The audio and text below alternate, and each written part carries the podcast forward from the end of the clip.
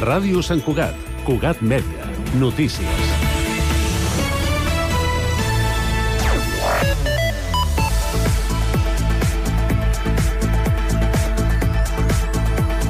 Junts votarà a favor d'un nou pressupost de Valldoret si el govern d'Esquerres accepta construir la nova escola de música al costat de l'EMD i també dignificar el camp de futbol del Montmany.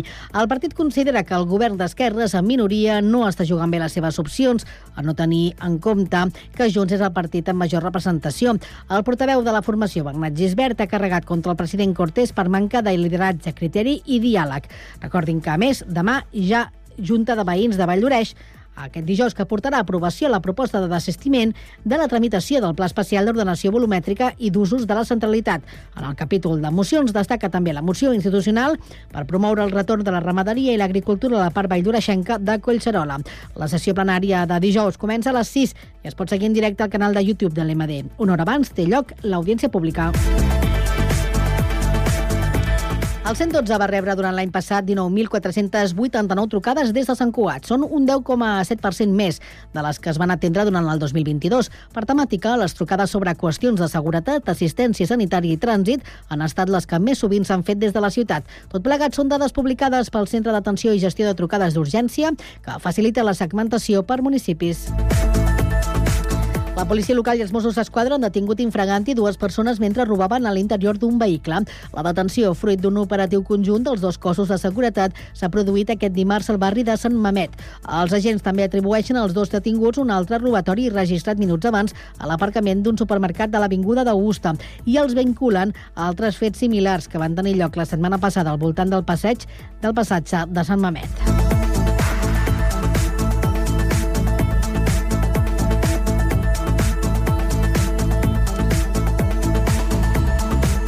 El Ministeri de Transports i Mobilitat Sostenible ha adjudicat per 744.000 euros el contracte de serveis per a la redacció de l'estudi informatiu de la nova connexió ferroviària de Rodalies entre el Vallès Occidental i el Vallès eh, Oriental.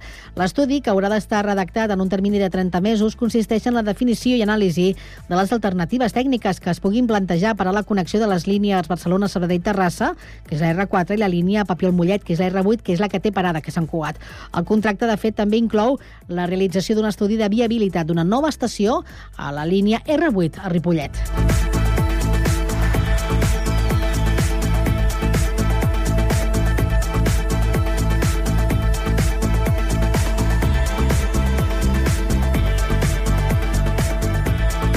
Cugat Mèdia, la informació de referència a Sant Cugat.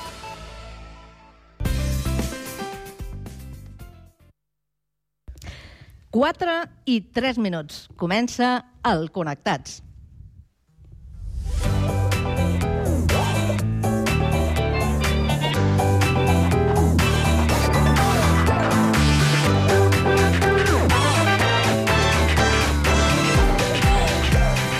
Connectats amb Carme Reversa.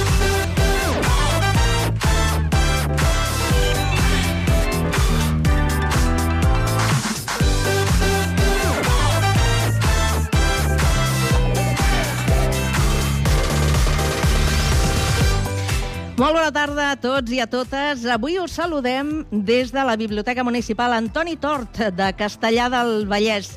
I ho fem eh, per celebrar aquest eh, dimecres 14 de febrer perquè tenim una bona excusa. Novament ens retrobem per celebrar el Dia Mundial de la Ràdio. Hem preparat un programa pensat per a l'ocasió, per compartir amb tots vosaltres, els qui ens acompanyeu en aquesta sala. Avui tenim públic en directe i també els qui ho feu a distància i els qui ho faran segurament més tard, després, a través del podcast. Com diem cada tarda, des de fa sis temporades, Benvinguts al magazín de tarda de la xarxa, un programa fet i emès per Ràdio Sant Cugat, Ràdio Sabadell, la Ràdio Municipal de Terrassa, el Prat Ràdio, Ràdio Ciutat de Badalona i Ràdio Castellà. Una salutació de tot l'equip conduït avui a la part tècnica per Adrià Tirado, Pablo Palenzuela i Jessica Sotodosos. Sami Fernández, Rocío Santa Eufèmia i Sergi Estapé a la producció. Pau Duran, Jaume Clapés i Guillem Plan són part de l'equip de redacció que ens acompanyarà al llarg del programa d'avui. I per últim, Team, de qui us parla, Carme Reverte. Per començar aquest especial ens acompanyaran en la benvinguda Ignasi Jiménez, l'alcalde de Castellà del Vallès, i Carme Muñoz, directora d'aquesta biblioteca. A continuació, eh, sabrem com van néixer les emissores que formen part del Connectats. I ho farem de la mà dels directors i també de responsables actuals i d'altres etapes d'aquests mitjans per tancar aquesta primera hora amb la música d'un dels fenòmens, atenció, del Benidorm Fest. Es diu Roger Pedrós i avui actuarà en directe en aquest espai de, de la biblioteca. A les 5 començarem la segona hora i conversarem amb el periodista Xavier Bondó, líder d'audiència els caps de setmana amb el programa Via Lliure de rac Coneixerem l'evolució d'un altre professional de la ràdio com Mariluz García, periodista de Catalunya Informació, que va participar en diferents moments de la seva carrera en les dues emissores que hi ha hagut i hi ha a, a Terrassa. Acabarem aquesta segona hora amb una nova actuació de Roger Pedrós. Tot això i alguna sorpresa més des d'ara i fins a les 6 de la tarda a la vostra emissora local. Avui també en directe des de Castellà del Vallès. Connectats? Comencem.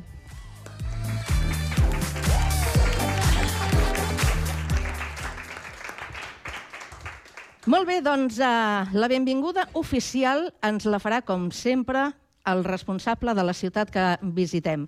Fins ara havia estat de Sant Cugat i ara és el torn de Castellà del Vallès. I tenim uh, l'honor de saludar i donar la benvinguda a l'alcalde Ignasi Jiménez. Molt bona tarda, alcalde. Molt bona tarda. Alcalde i, a més, president del Consell Comarcal del Vallès Occidental. Molts anys com a alcalde, també en el càrrec de, del Consell Comarcal. Però hem de dir que el senyor alcalde també mm, va fer eh, els seus pinitos en el món del periodisme, oi? Tothom té un passat. Ah. com, com recorda el seu món pel pas de... el seu pas pel, pel món de la ràdio, pel món de la Molt comunicació? Bé. Aviam, jo, de fet, de ben jovenet vaig començar uh, sent periodista, no, no sent periodista, no, fent un programa a Ràdio Castellà. Mm -hmm en Ràdio Castellà tenim la sort de que ha estat una cantera històrica de, de periodistes i, de fet, alguns d'ells doncs, ara mateix estan als principals mitjans del país. Jo crec que això, diguem-ne, s'ha de remarcar i s'ha de posar en valor. Ha estat un espai doncs, que es va iniciar just després amb l'inici de la democràcia. Eh, teníem unes instal·lacions precàries relativament a prop d'on estem situats avui i en aquella aleshores, doncs, jo com un jovenet, hauria tenir 15-16 anys, vaig començar a fer algun programa de ràdio amb els amics, en una manera de, posar, de passar una estona divertida, de passar-nos-ho bé, de conèixer el món de la comunicació, i a resultes d'això jo vaig estudiar una carrera, vaig començar a estudiar filosofia, de la qual en soc llicenciat, però uh -huh. també vaig estudiar eh, de manera simultània la carrera de periodisme i per tant soc periodista. Així que vaig acabar la carrera. De fet, mentre estava cursant la mateixa carrera em va sortir l'oportunitat de poder treballar com a periodista radiofònic i, per tant, en el vostre mitjà doncs, també he hecho mis pinitos, que diria ah, aquell. Sí, sí. I a més m'han dit que va ser cap de premsa del Centre d'Esport Sabadell. Sí, també ah. tothom té un passat i en aquest passat doncs, eh, vaig poder conciliar eh, aficions, perquè a mi m'agrada el futbol, i a més a més sap greu dir-ho, perquè ho estic dient davant dels meus conciutadans, un és de la Unió Esportiva Castellà, però, disculpeu-me també, un és, en aquest cas, del Centre d'Esport Sabadell, a muerte. I, clar, amb això sí que, mm, diguem-ne, faig, faig molt poc de president del Consell Comarcal. Les meves preferències són clares, són òbvies, són evidents per part de tothom, i, diguem-ne, el nostre CUP que ens representa la nostra comarca és el Centre d'Esport Sabadell, claríssimament. Doncs de, després d'aquest preàmbul, ara sí que pot donar la, la benvinguda al públic que avui ens acompanya en aquest espai nou. Després parlarem amb la responsable de la biblioteca, la, la Carme, que també la tenim aquí al, al costat, però ha de fer els honors.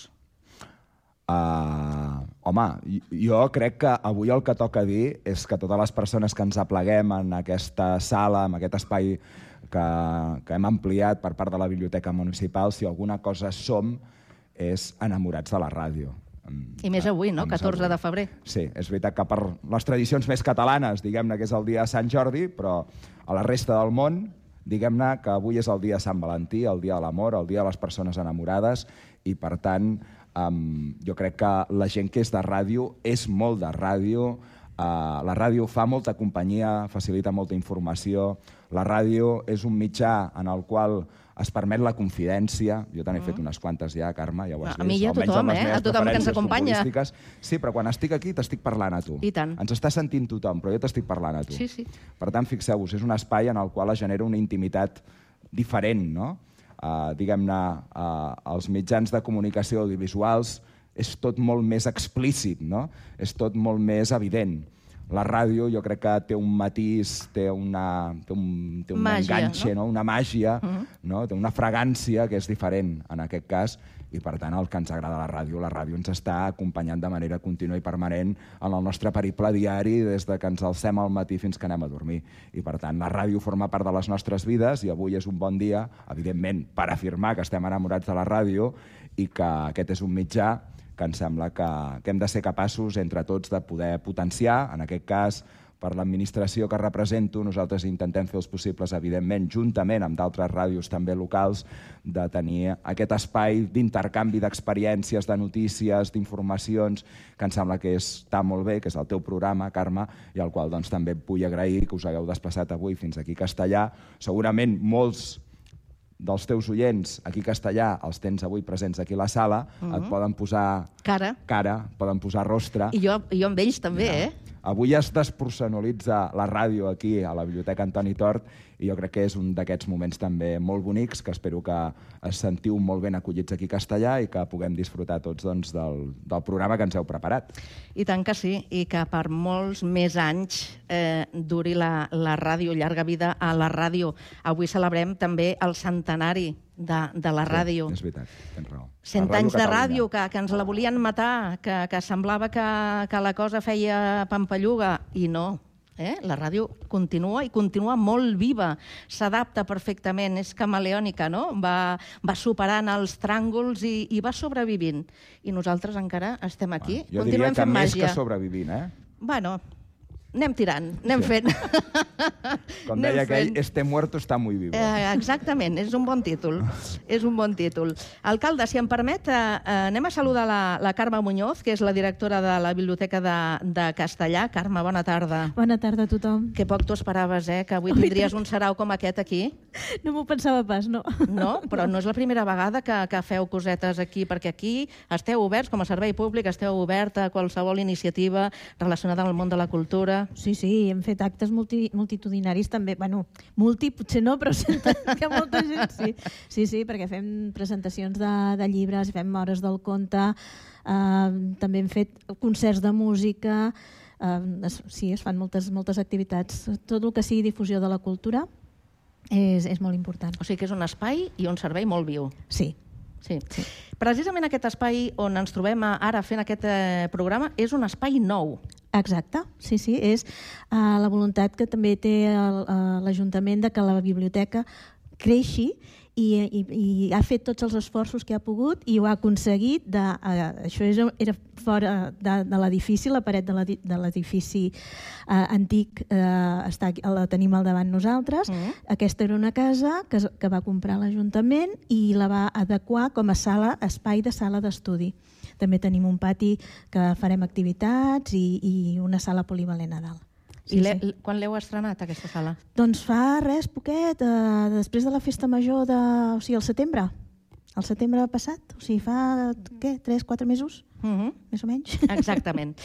Com avui ens ha citat la ràdio aquí en aquest espai de la Biblioteca de, de Castellà, també m'agradarà preguntar-te per la teva vinculació, la teva relació amb, amb la ràdio. Quin record tens tu de, de, de la ràdio? Segur que en tens algun. Sí, molts, bueno, perquè al poc de- d'arribar aquí a Castellà, jo no sóc castellarenca, però vaig arribar aquí, i de seguida em, em, em van tenir en compte per fer col·laboracions des de la biblioteca, eh, recomanar llibres, també participar en, en, en alguna, sí, sí, en magazins, o sigui, eh, col·laboracions, vaja. Eh, Sí, sí, molt bé. Fa companyia? Oh, i tant. Sí? Sí, T'informa?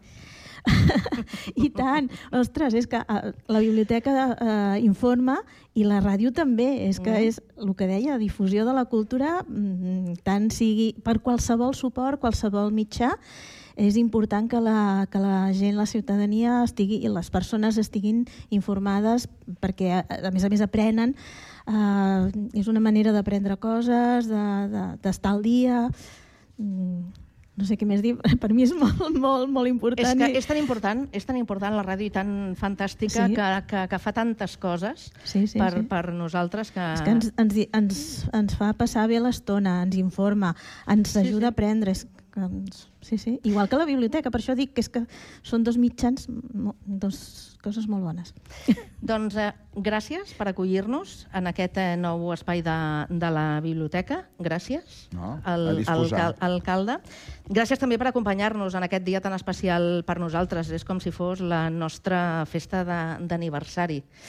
No fem 100 anys, ara ho explicarem, eh? perquè les emissores del Connectat, que, del Connectats, que som sis emissores, que diríeu, i què tenen a veure les unes amb les altres? Us he de dir una cosa, que des de que vaig començar a fer aquest programa vaig entendre eh, precisament que el nom de, del nostre programa, Connectats, té tot el sentit. Té molt sentit. I sembla difícil així a simple vista, però us he de dir que realment estem connectats. És igual si som del Prat, de Badalona, de Castellà, de Sant Cugat, eh, de Sabadell o d'allà on siguem, que sempre hi ha algun vincle, alguna cosa que ens eh, connecta. I, per tant, eh, aquí mm, està l'essència, la gràcia del nostre programa i l'esforç de tot l'equip que ho fa possible. Els dos, a la Carme i a l'Ignasi, moltíssimes gràcies el show continua i ara de seguida donarem pas als eh, responsables de les emissores. Sabrem una mica quina és la història de cadascuna d'elles. Gràcies.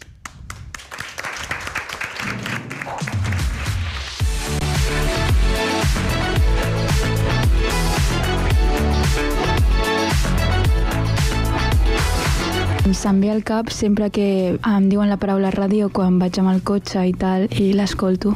Jo a la ràdio tinc una relació d'amor. Crec que l'àudio és molt important perquè a part de que el pots reproduir qualsevol moment, amb, amb, amb un simple clic i amb els, uns simples auriculars eh, pots reproduir qualsevol cosa i crec que és un gran mètode, mètode de comunicació i molt obert, molt obert. Que és el més pràctic perquè no has de llegir i, per tant, escoltar-ho és molt millor, la informació arriba millor, jo crec. I ho pots escoltar a, qual, a qualsevol lloc. Sí. És, és només escoltar. Pots posar la ràdio a qualsevol lloc, ho poses a un volum doncs, bo i ara ho escoltes i vas per la casa amb la ràdio, la deixes allà i ja està. Jo la ràdio sempre m'ha acompanyat a la vida, de, amb, amb, per bé o per malament, sempre m'ha acompanyat. Home, mm, em diu ràdio i penso al programa que faig amb els meus amics. Però una de les coses que recordo molt bé és quan teníem en el cotxe el ràdio casset. Sobretot a casa de la meva àvia, perquè es posa la, la ràdio per ajudar-se a dormir. I la veritat, la ràdio ha sigut una part important també de la meva vida. La meva mare i el meu pare eren fans de la ràdio, escoltaven molta música,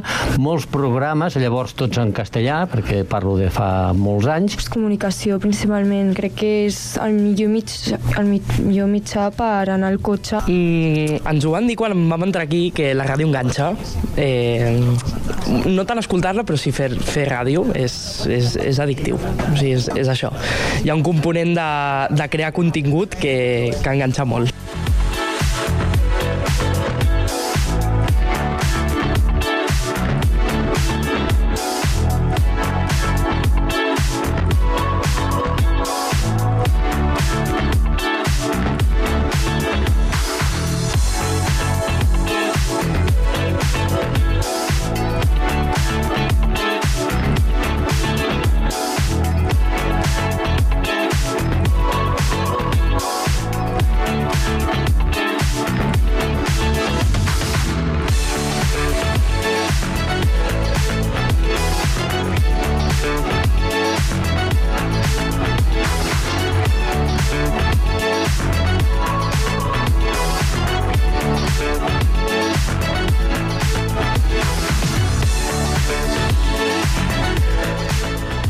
Doncs ja els tenim a tots a punt.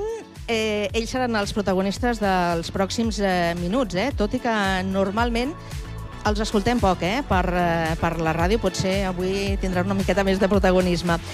Imaginem una línia del temps amb una data d'inici, el 14 de novembre de 1924, moment en què s'inaugura Ràdio Barcelona. Va ser la primera ràdio autoritzada oficialment a Espanya. Al llarg d'aquests 100 anys, el fenomen radiofònic ha anat donant lloc a la creació d'altres ràdios, com les que avui ens trobem aquí. Així que la nostra intenció és eh, fixar el punt de partida d'aquestes sis emissores del Connectats i conèixer el seu camí fins a arribar aquí. I hem intentat seguir un ordre cronològic, eh? Sort que a última hora hem fet alguna mm, rectificació. I us he de dir que de les ràdios que formem part del Connectats, la més veterana és Ràdio Castellà. Ràdio Castellà! Julià, Julià Guerrero és Julià Guerrero, bona tarda, és, és el director de Ràdio Castellà i ens agradarà que ens posis eh, aquest piuet, eh, aquesta pica per eh, on comença la història de, de Ràdio Castellà al 1980, al mes de setembre. Sí, sí, doncs justament els més petits som els que tenim més història. Això acostuma a ser el més habitual. No? Qui obre camí a vegades no són les grans estructures, sinó els petits que saben organitzar-se doncs, amb el poc que tenen. No? I una mica la, la, els primers inicis de Ràdio Castellà aquell any 80, però ja aniria més cap al 81 potser, eren al voltant dels radioaficionats. Hem de dir, a més a més, que va haver-hi una, una primera ràdio als anys 50. En aquest cas era privada, però sí que hi havia gent que va arribar a fer ràdio als anys 50 a Castellà del Vallès. L'any 80-81 es fa com una mena de jornada sobre radioaficionats i el que passa és junta gent que té eh, les mateixes inquietuds i hi ha uns quants de Castella que diuen, ostres, doncs mira, per què no intentem fer, fer una ràdio? I de seguida, també és veritat que era una explosió la transició política a tot arreu, a Catalunya especialment, i aquesta expressió de democràcia, en part, venia de la mà dels mitjans de comunicació, com he comentat abans amb, amb la intervenció de l'alcalde de Castella. I és això que de seguida, fins i tot, doncs ja es van fer tràmits per crear un, una mena com de... No era un consorci, era una cosa mancomunada, però a finals de l'any 81 ja, ja hi havia papers que parlaven de Ràdio Castellà, que va tenir dues o tres seus, això sí que és veritat, hem canviat tres o quatre vegades de freqüència, bé, tot això potser els companys també ens poden explicar més coses. Ho deixo aquí perquè si no em menjo uh, tot el temps. Doncs no, no, no, ja hem dinat, o sigui que no, no, no cal, ho deixem ben per dinat, les postres. Ben dinats. Eh, Ràdio Ciutat de Badalona neix el juliol de 1981 i amb nosaltres eh, el seu director, el Xavier Casanovas, flamant director. Què tal? Felicitacions. Moltes gràcies, Carme. Bona tarda. Bona tarda. Uh, jo crec que el nom, d'avui, el nom del programa és molt apropiat, eh? Connectats. Connectats. Perquè jo avui vinc a parlar de Ràdio Badalona, Sí. una emissora de la qual sóc director des de fa molt, molt poquet. Uh, per tant, m'he hagut de, de documentar una mica eh, per poder parlar de la història. Però dic connectats perquè jo vaig començar a fer ràdio a Cugat Mèdia, és a dir, a Ràdio Sant Cugat. Eh, I també connectats, perquè jo per raons familiars doncs, eh, conec i vinc sovint a Castellà del Vallès. Uh, per tant, doncs, escolta, mm, el món és molt petit, no? I la ràdio és això, la ràdio és que al final ens, ens, ens connecta a tots, no? I, i si parlem d'història, home, a mi em sap greu eh, discrepar a, amb l'amic Julià, eh? però, però en realitat Ràdio Badalona eh, va començar el eh, 26 de novembre de l'any 33, és a dir, 9 anys després... I ara començaran a sortir els de, draps bruts. de, la aquí, primera, eh? de, la primera, de la primera emissora, no? Després, doncs, a fi, vull dir, no ens remuntarem tan, en, tan enrere perquè han passat moltes coses durant tots aquests anys. El pare de la ràdio a Badalona, eh, considerat el pare de la ràdio Badalona, és Joan Vidal i Prat, que és un radioaficionat, doncs que a l'any 29 va començar a fer les primeres proves de ràdio eh, per raons en aquell moment doncs, econòmiques. No? Hi havia, igual que a Barcelona, doncs, la primera emissora es va fundar perquè hi havia eh, un teixit econòmic i comercial molt actiu doncs, que li interessava doncs, posar, o va, va començar a experimentar amb aquest mitjà. Badalona va, va ser un procés similar uns anys més tard. I finalment, doncs, això, l'any 33 es va, es va fer la primera emissió de, de ràdio a Badalona, Eh, després, doncs, durant la Guerra Civil, doncs, l'emissora va, estar, va estar ocupada, després es va tornar a posar en marxa l'any 39, i hi ha un fet molt curiós, que és que Ràdio Badalona va haver-hi un moment, crec que era l'any 45, que va canviar de nom i es va dir Ràdio Miramar de Badalona, fins al punt que l'emissora es va traslladar a Barcelona, perquè també per raons comercials volien ampliar l'audiència, i el nom de Badalona va, va començar a quedar com amagat. I aleshores ja va ser Ràdio Miramar de Barcelona, on es van fer programes com de les tardes d'Odet Pinto, Salvador Escamilla, etc etc. Fins que al final, crec que va ser l'any 78, que definitivament eh, Badalona va, va perdre la freqüència i ja va ser definitivament una altra emissora que és Ràdio Miramar i després també va passar una mica com a, com a castellà.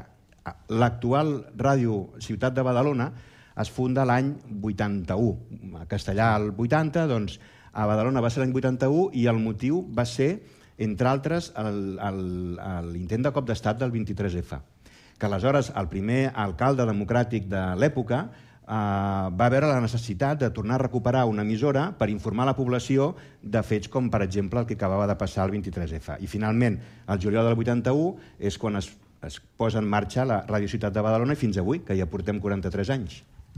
Això és un resum molt estem, ràpid. Estem en el, ma- la mateixa franja d'edat, 43. Sí, exacte. Ja. Sou, sou majors d'edat, ja. A la crisi dels 40, no? Després de Ràdio. Ciutat de, de Badalona eh, arriba l'any 1982 Ràdio Sant Cugat, l'any del Naranjito, del Mundial, no, no, sé, no sé per què.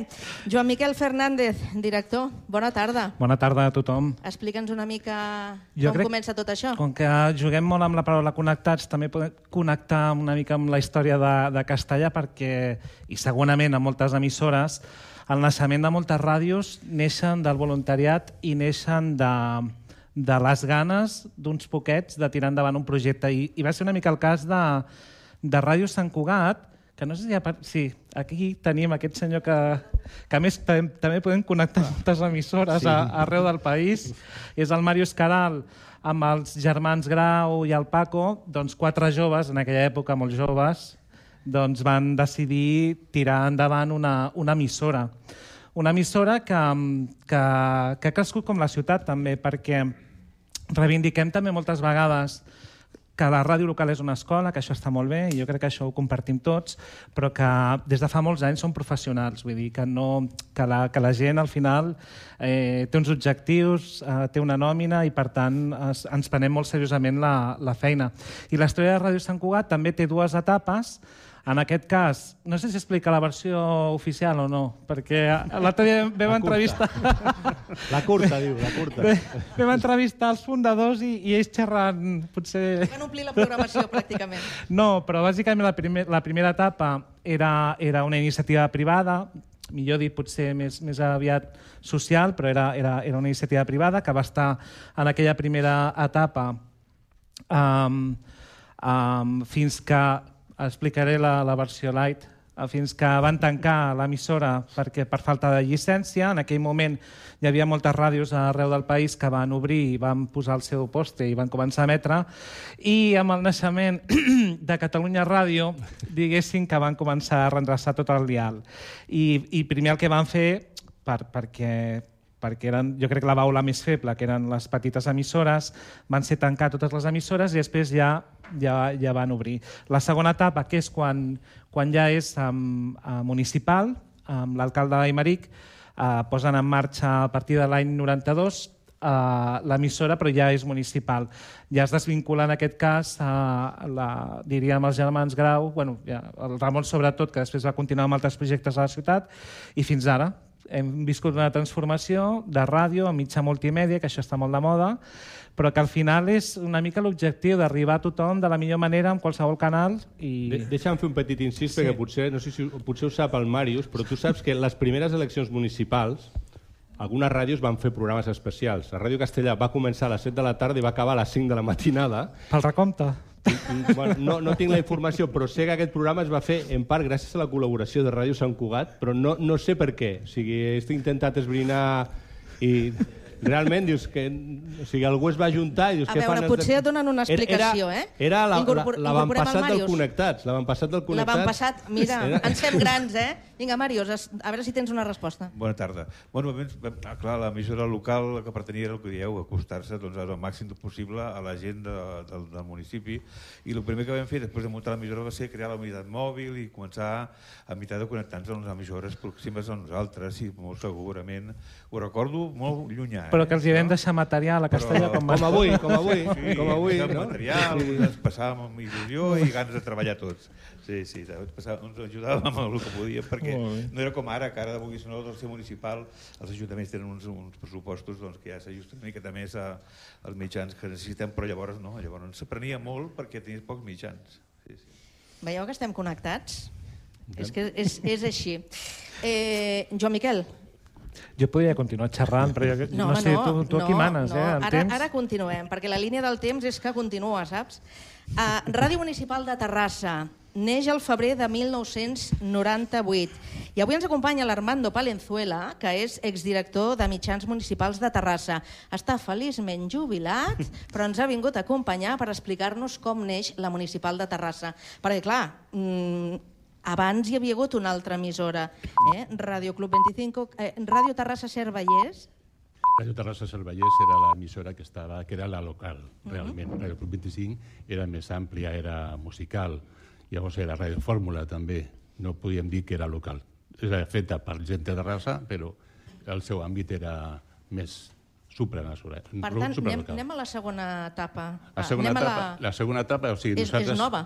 Quan, la, quan sortim nosaltres, és l'any 98, i venim d'una emissora de televisió local.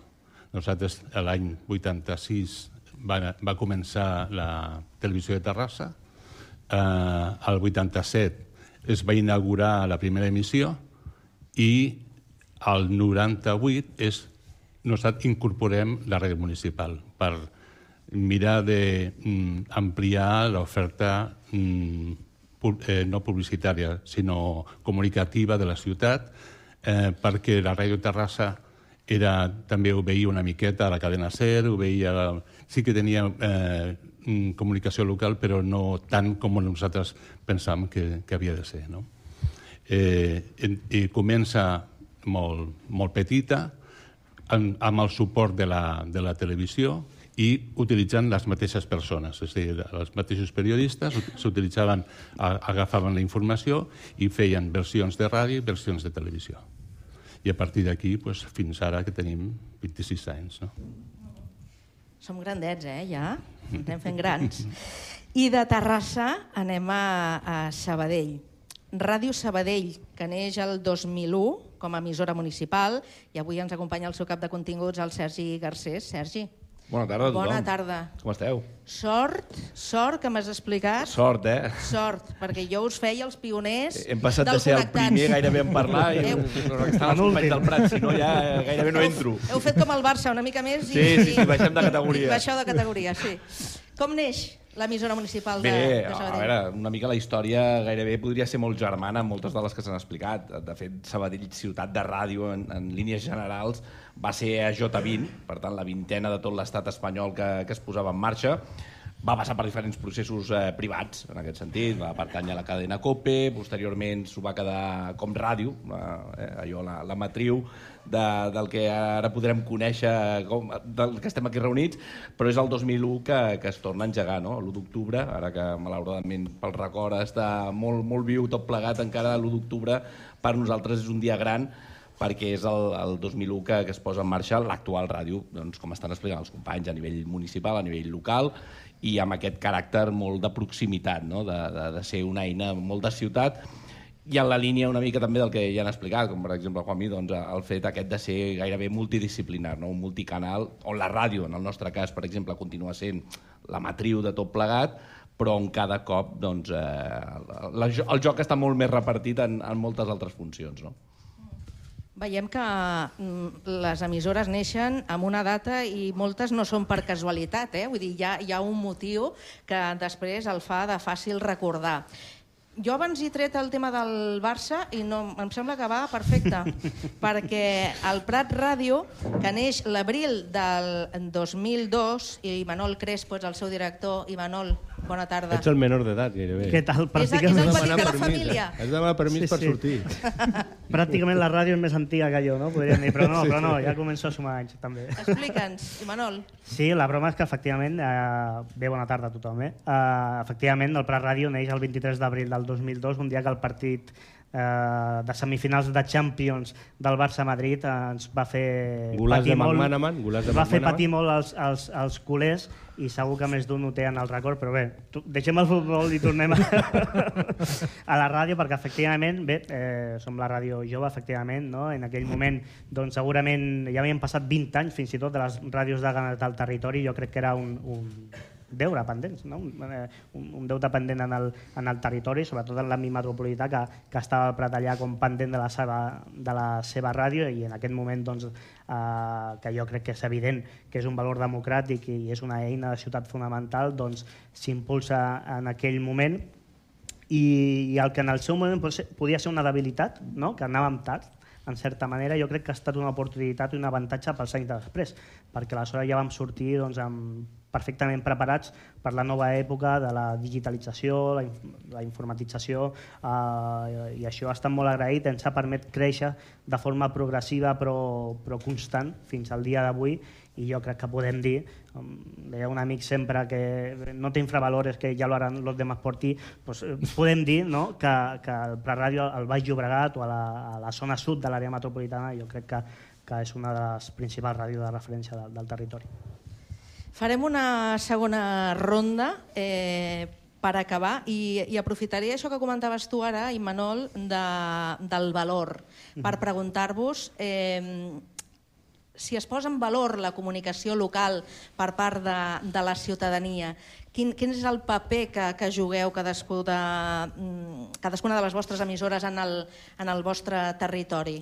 Jo crec que és molt... Ho explica molt bé, molt bé el primer dia, aquell primer dia, aquell 23 d'abril, que és un programa especial que dura tot el dia i que més enllà de la part més política, institucional, eh, hi passen per allà tots els sectors de ciutat, no? tot el teixit associatiu de la ciutat acaba passant per la ràdio i en definitiva explica molt bé el que som, que més enllà de ser un mitjà de comunicació excepcional, diguem-ne, i d'informació local, al final a mi m'agrada dir que som també un actor que fa ciutat, que formem part de la comunitat i a partir d'aquí generem moltíssimes sinergies amb l'àmbit educatiu, amb l'àmbit cultural, amb el jovent, amb, amb gent gran també, que hi troba en la ràdio un, un espai de participació. El fet de que siguem públics també ens agrada treballar, òbviament, l'audiència i la penetració, però no només, no és l'objectiu final, sinó que tot el procés creatiu de molts projectes és, una, és un aspecte molt important que ens agrada treballar molt i, per tant, jo et diria que el valor és incalculable perquè hi ha un valor que segurament no es pot ni, ni quantificar. No? I jo crec que aquell primer dia eh, manté molt bé aquest esperit que nosaltres seguim eh, treballant al nostre espai i de fet entenem que, que és una ràdio molt estimada, molt arrelada. De fet, estem constituïts com a empresa amb la representació de tots els, polit de tots els grups municipals del consistori, per tant això sempre eh, aporta un valor de, de credibilitat al, al mitjà i per tant jo crec que podem estar molt satisfets. Seguim la, la roda. Bueno, és que seria una mica, doncs, eh, a, simplement afegir, jo sempre dic que no és veritat perquè no som una entitat, però sí que crec que ens, a mi m'agrada emmirallar la ràdio a una entitat del poble, perquè al final la, la gent que ve a la ràdio a fer ràdio és com les persones que volen formar part de, doncs, no sé, en aquest cas veig a la Montse doncs, de, del casal de la gent gran o d'un equip de futbol, al final van passant els anys i és la gent la que et ve a tu i tens bones èpoques, èpoques una miqueta que vas fent fent, una mica pilot automàtic, després èpoques que hi ha una explosió i jo crec que ara mateix, eh, sincerament, tot i que les noves generacions no escolten la ràdio com l'estem acostumats a escoltar-la ara mateix, els que estem aquí i els que ens estiguin escoltant a l'altra banda, sí que és veritat que amb la, amb la broma que jo dic de que estem evolucionant de ràdio castellà a àudio castellà, doncs en aquest trànsit hi ha molta gent jove que s'hi està sumant. I la prova la tenim aquest 2024 on tenim una explosió de visites d'alumnes d'ESO perquè ara tots els profes volen que els nanos facin podcast i els propis eh, nois i noies s'hi engresquen, per què? Perquè com que tenen els seus propis canals de difusió a les xarxes, doncs veuen aquest material reflectit. Això abans, la ràdio era com un elefant, no? Tu podies pujar en aquell elefant durant uns instants i formaves part d'aquell, però és que ara un tros d'aquell elefant també també el pots tu compartir. Per tant, en aquest sentit, és una porta que s'obre i només en aquest sentit afegir el que comentava el company Imanol, aquesta idea, jo ho veig com una entitat, però també podem dir organisme, un organisme viu, és a dir, és que respirem com respiren els nostres eh, oients i els nostres ciutadans, que són els que al final fan el 75% de la programació i dels continguts radiofònics. Xavier. Doncs no sé què dir. Jo crec que, com que aquí tots som molt enamorats de la ràdio, jo crec que podríem estar hores i hores. Jo una mica doncs, eh, reforçant el que diuen els companys. No? Jo crec que, i em remeto a la pròpia història de Badalona, que aba- abans comentava, que un dels fets que va eh, doncs donar un impuls a recuperar l'emissora de ràdio va ser aquell 23, aquell 23F de l'any 81 que es va dir la nit dels transistors, no? I, i que jo crec que 40 anys després encara, i la setmana passada en vam tenir una altra prova que ara us explicaré, encara 40 anys després, quan passa alguna cosa a la teva ciutat, vas a buscar el mitjà de proximitat, el mitjà local, que pot ser la ràdio, o pot ser la televisió, o pot ser el portal web doncs, de, de, del teu poble. No?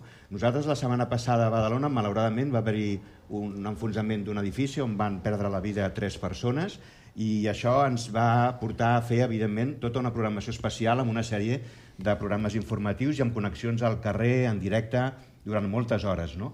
Nosaltres avui ja no som només ràdio, som també televisió, és un grup que es diu Badalona Comunicació i per tant molt sovint els mateixos programes de ràdio els emetem per la televisió i viceversa.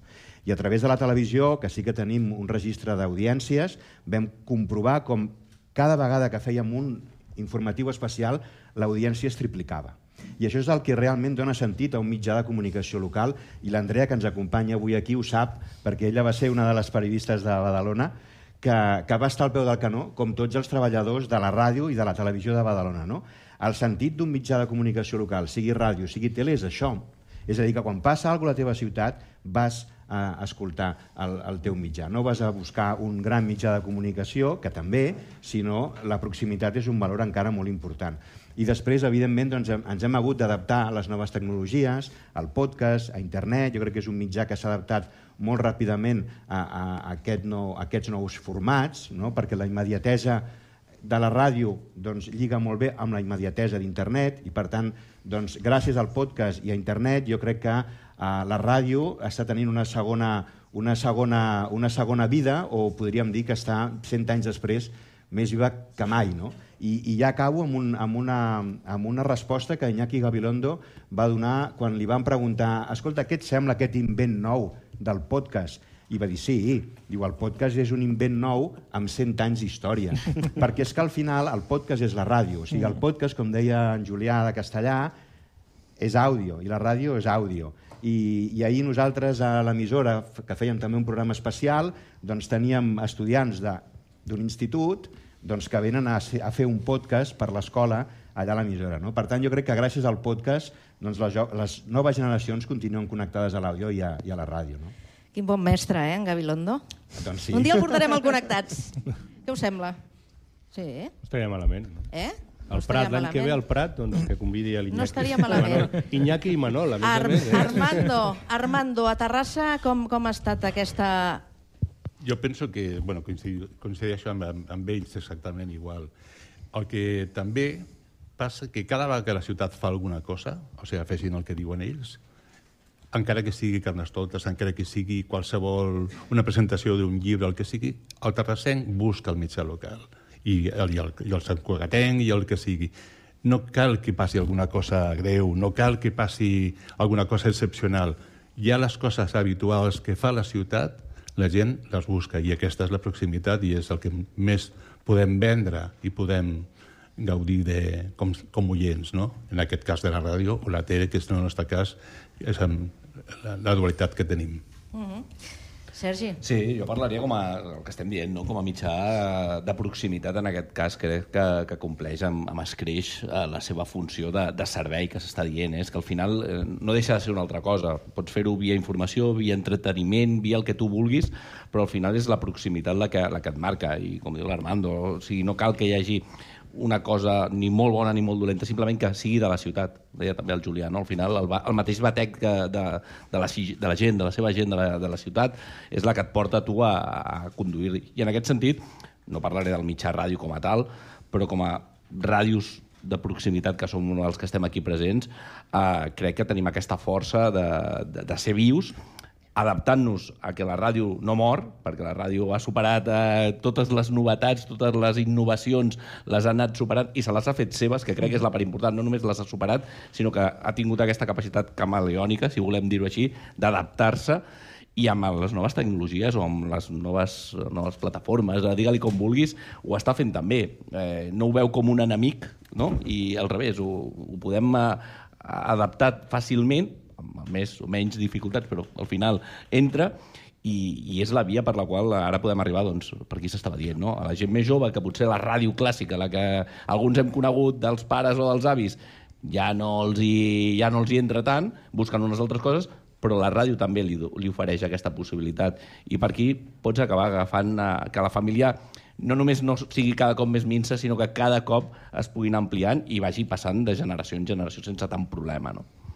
Jomi, tanques, tanques, però minut Tan- resultat, eh? Sí, puc afegir molt poc. Bàsicament és això. eh, D'una banda, jo crec que els mitjans públics, aquí, aquí ho, som, ho som tots, eh, al final també hem de ser útils, no? I, i per ser útils ens hem d'adaptar. Malauradament, segurament a, a molts ens agradaria, doncs, a, ens tornem amb l'edat, jo crec que, que sempre, doncs, eh, no molt territorials amb les nostres coses, no? però amb el mateix exemple de crec que tots tenim molt contacte amb instituts que estan posant en marxa projectes del tipus podcast. Quan tu els hi fas la pregunta de quina ràdio escoltes, eh, escolten la dels pares al cotxe, gràcies, no? però estan consumint altres continguts i jo crec que és una molt bona oportunitat d'arribar-hi i ser també útils eh, i més com a crec mitjans responsables, agents, entitats, que crec que estem per, per allà al mig, ens hem de situar jo crec que, que allà al mig, eh, és una manera d'arribar als nous públics i, i sobretot en una època de soroll i de... No? que crec que és molt necessària eh, que hi hagi, es mantinguin aquests referents, no? que ho eren potser fa 30 anys d'una manera i actualment ho som d'una altra. Molt bé, senyors, és que podríem estar aquí tota la tarda, eh? però el programa dura dues hores, estem arribant al final de, de la primera. Us agraeixo moltíssim, que és que fa goig, eh? veure aquí les sis emissores. Jo crec que és un moment de, de celebració. I abans d'anar a l'actuació del convidat d'avui, el Roger Pedrós, que fa una bona estona que està aquí, eh? estàs aguantant com un campió, eh? eh abans d'això, mm, anem a veure com respira el públic. Jaume Clapés, què tal? Ens veiem per primera vegada, eh? Encantada de posar-te cara, eh? Igualment. He de dir que la teva veu és excel·lentment radiofònica, que t'escoltem totes les tardes, i ja més, encara que no t'hagués vist, ja era com amiga, quasi bé, que és una mica l'efecte de la ràdio. Jo crec que, per començar una mica com respira el públic, crec que podem parlar amb els més veterans, que potser són els que tenen més record de Ràdio Castellà, que més són col·laboradors de la ràdio amb el programa La Carpeta de l'AVI i que han estat escoltant tots aquests discursos sobre com van néixer les ràdios. Òscar Cardona. Bé, jo sóc un castellarenc nou vingut. Fa 14 anys que estic aquí. La senyora que tinc al meu costat, la Montse da Silva, presidenta del Casal, va ser la que em va abduir amb aquest programa. Aleshores jo vaig fer el mateix amb la Montse, de, Montse Alzina, que és la meva dona. Aleshores, diguéssim, entre tots ens ho fem tot. A més dels col·laboradors que habitualment tenim, que un dia parlem de cuina, un altre dia es parlen de salut, etc etc. Ah, també l'Ajuntament, que els convidem en tant en tant i els apretem alguna vegada, fins i tot, a que ens fagin coses. Aleshores, eh, vaja, aquest és, això és la carpeta de l'avi en petit avui.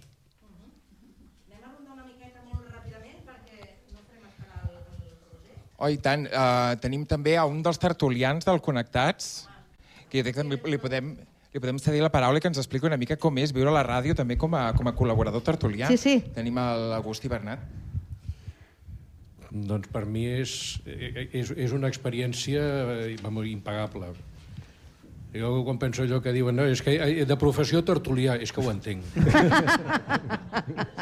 Perquè és que el fet aquest de poder anar a l'emissora, plantejar els temes que siguin, poder manifestar amb tota llibertat la, el teu parer, la teva opinió, que ningú et digui, escolta, d'això sí, d'això no, amb tota llibertat, i sense sentir-te cohibit per ningú.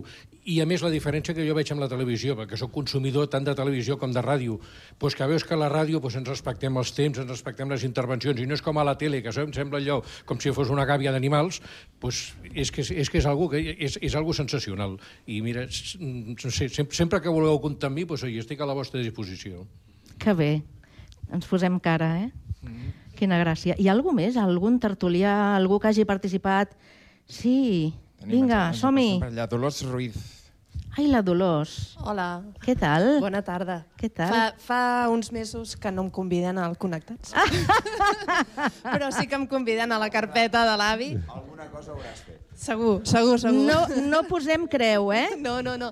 No, però a- avui estic encantadíssima de poder acompanyar-vos una estoneta. Cap a les 5 també hauré de marxar per feina.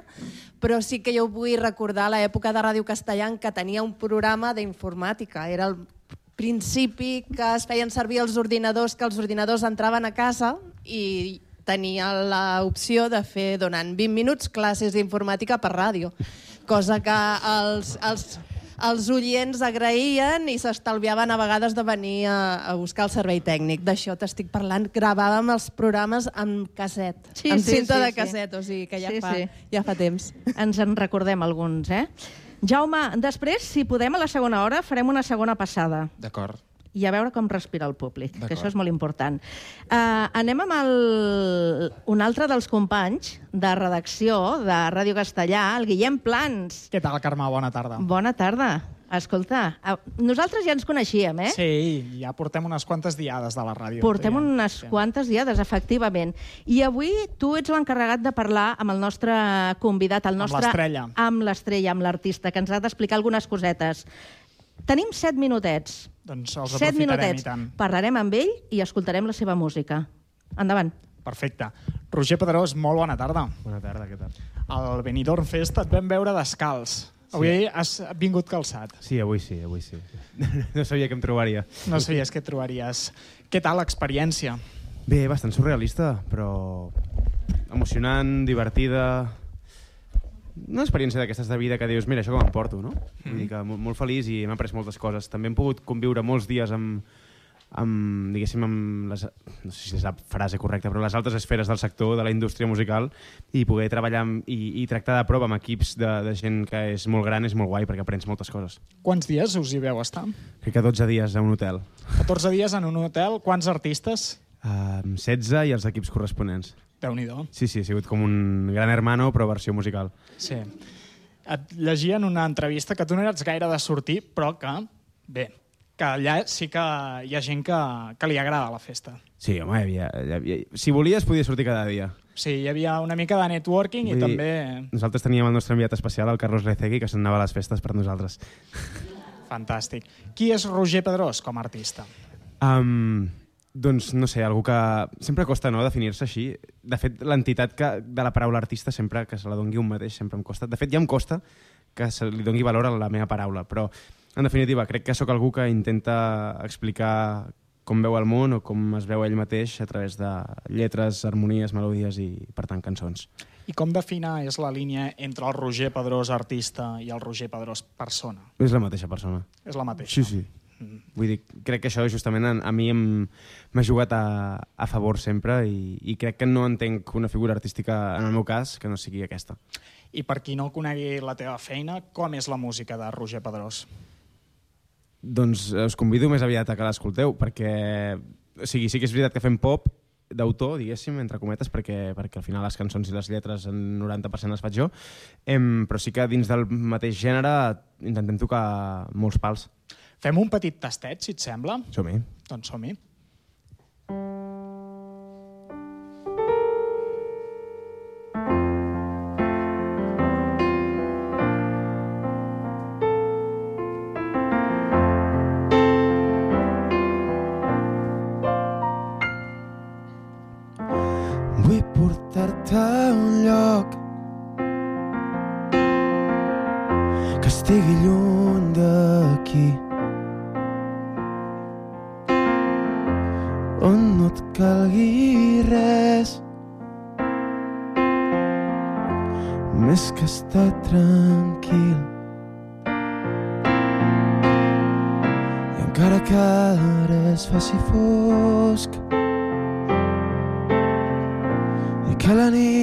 nit t'atrapi el cos.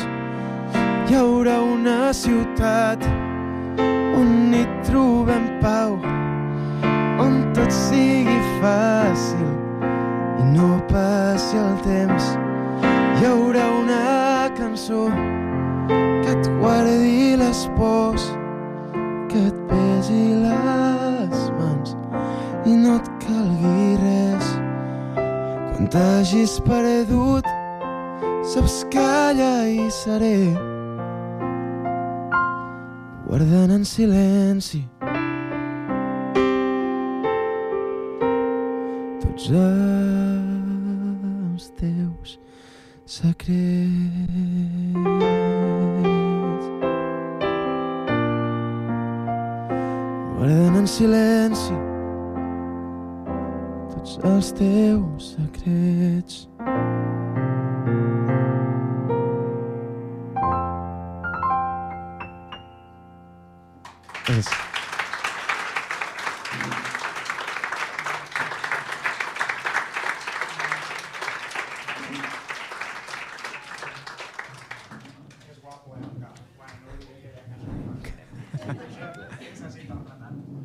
això és un, un, un tema que es diu El Secret i que formarà part d'aquest proper disc que surt a finals del mes vinent, que es dirà Contrallum i que vam llançar fa una setmana. Va ser el tema que vam treure justament a l'acabar el Benidorm Fest i que és com una mica una manera de, de recollir-se i tornar a casa. Doncs a Contrallum intenta ser un, un conjunt de cançons unes amb més ombres, unes amb més clarors, que parlen sobre el món o la vida contemporània. Una mica una música, podríem dir-li, social, no? que parla de com, com veig la realitat del dia a dia i des de, llocs de, vist, des de punts de vista pues, alguns més positius i altres una mica més eh, negatius. El públic s'ha quedat amb una mica de ganes de més. Aviam si ens pots interpretar un altre tema. I tant.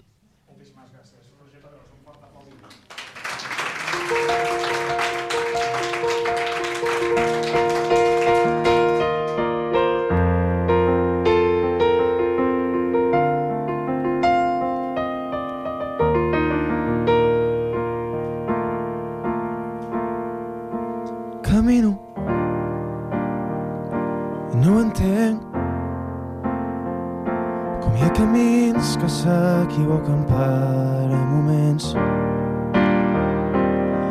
Respiro i no comprenc com una espelma és el reflexe d'un anel que espera el pas del temps conscient. Que jo no puc seguir sense destí. Sé cap on vaig i sé d'on vinc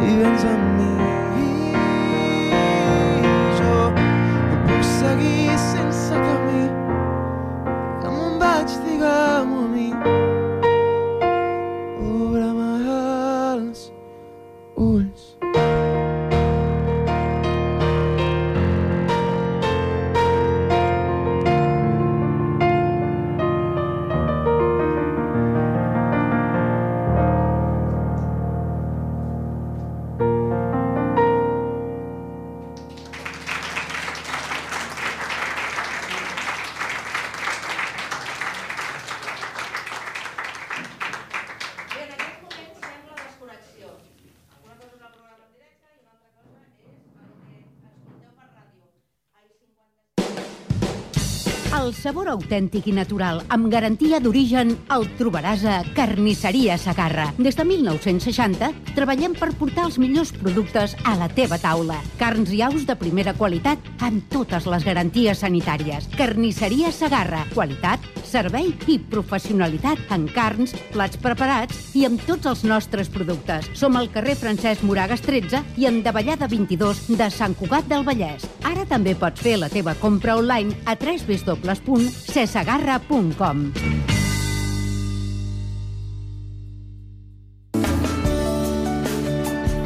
Ràdio Sant Cugat.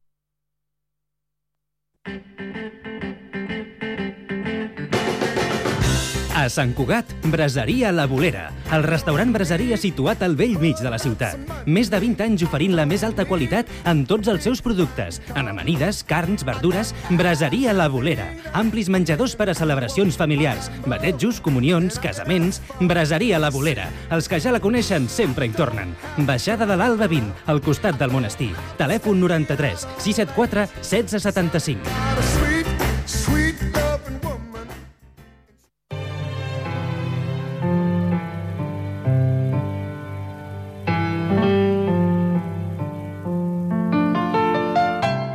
Vols gaudir de la música nostàlgica? Sintonitza Ràdio Sant Cugat al 91.5 de la FM. Escoltaràs cada diumenge a les 6 de la tarda Torna-la a tocar, Sam.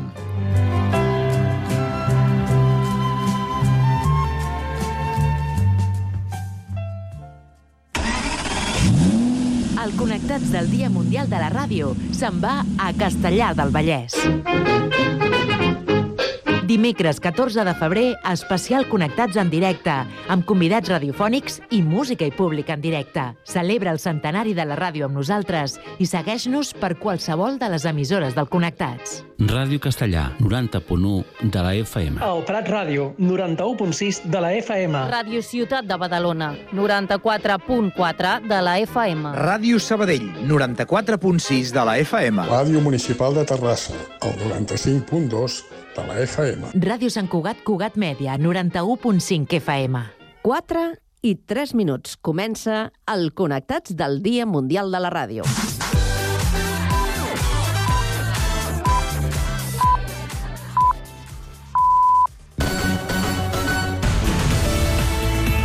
Ràdio Sant